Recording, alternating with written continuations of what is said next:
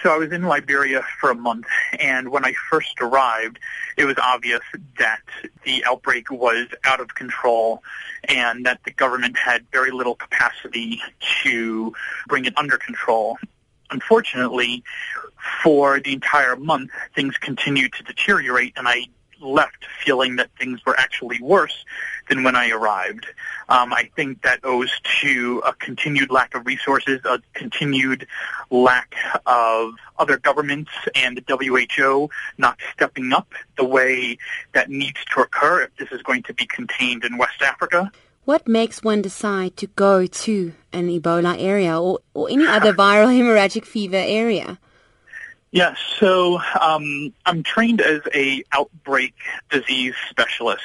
I was trained by the U.S. CDC in a program called the Epidemic Intelligence Service, uh, which actually has a program like that here in South Africa called the Field Epidemiology Lab Training Program. And the reason why I went is I think there's few people who have these type of skills and training, and it's a skill and training that I had. And if my skills and training are needed, well, then I just go. It's what I was prepared to do. It was what I was trained to do. Were you ever scared going into those areas? I don't think I was very scared because I know MSF is the type of organization that keeps its people safe and they train and they provide you with the right protocols to make sure that you are safe and protected.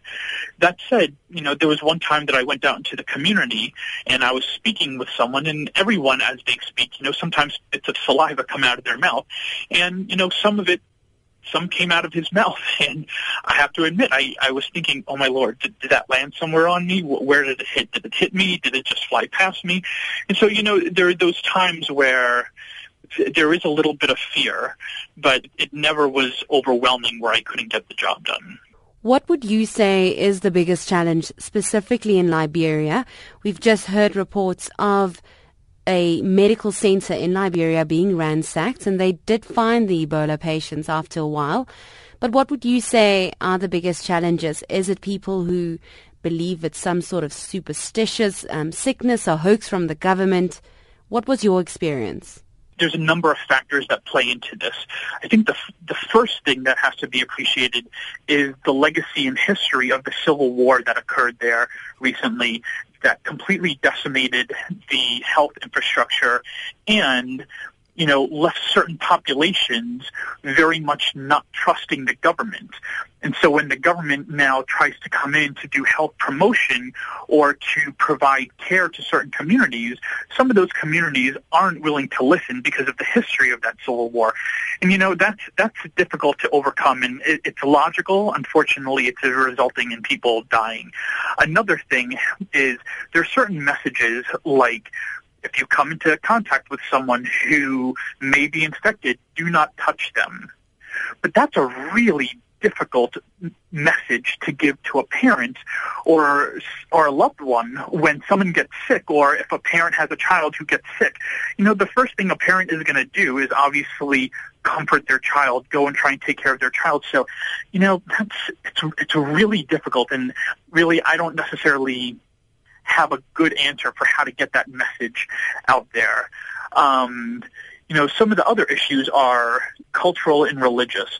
And so in the Muslim community there, as I'm sure around the world, the way bodies are prepared for burial required that there's a certain washing and a traditional washing of the body, which is understandable. Unfortunately, that washing of the body, if people don't do it in a safe manner, it causes them to become infected.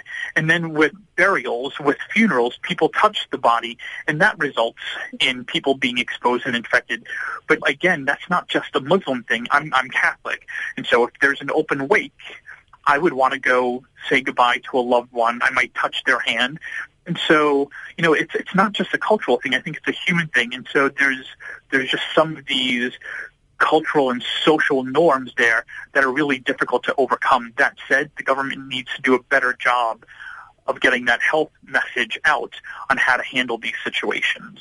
Is there a similar distrust in organizations such as MSF and other charity organizations, health organizations coming in to, to help with this outbreak?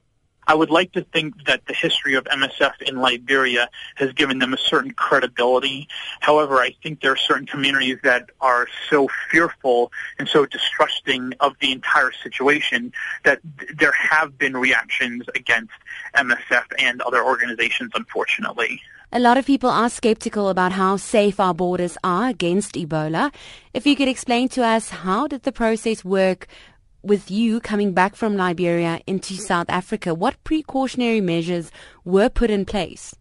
Um, getting back into South Africa at the airport was rather rudimentary. So they had the thermal scanners for temperature scanning, but that was pretty much it. There wasn't any verbally provided questionnaire asking me where I've been, any exposures. And I'm not really sure if that would have been completely efficient or effective anyway, but with the temperature scanning, that's a good first step. But if I'm infected, you know, it could take 21 days for the disease to manifest and me become symptomatic. And so if I'm infected yesterday and I fly tomorrow and I don't start having symptoms for another five days, well then those temperature scannings at the airport or other ports of entry, they're not going to be 100% effective at picking this up. So what the government needs to do is to put in place the proper public health measures to contain this should it come to South Africa. I think they've done a good job with identifying and preparing hospitals, um, and I hear that the private sector has also been doing a very good job of preparing themselves. But an epidemic like Ebola is not stopped by medical interventions because there's there's very little treatment. What it does is it gets people away from people who are healthy, and so you isolate them. But what the government needs to do is ramp up its infrastructure and ability to conduct case investigations and contact tracing, and that I'm not clear if they've done very well yet. Many teams of health workers are being sent to the affected areas from across the world. What is being done to keep these health workers safe amid reports that so many health workers in these countries have already died from the virus? MSF has very strict precautions in place. So if we are going to enter into any area that is high risk, we will suit up in what people refer to as the spacesuits. When we go out into the community to do case investigations or contact tracing, there's there's protocol of if you're speaking with someone who you suspect might be infected, you stand three feet or a meter away from them and, and you speak to them. MSF has never had and does not and has not had in this outbreak any of its people infected. They train us to be very good about the protocols to keep to keep ourselves safe. So we are asked upon our return to be hyper vigilant about how we're feeling and if we start feeling sick in any way, shape, or form, that there are certain health facilities that we should report to and immediately isolate ourselves.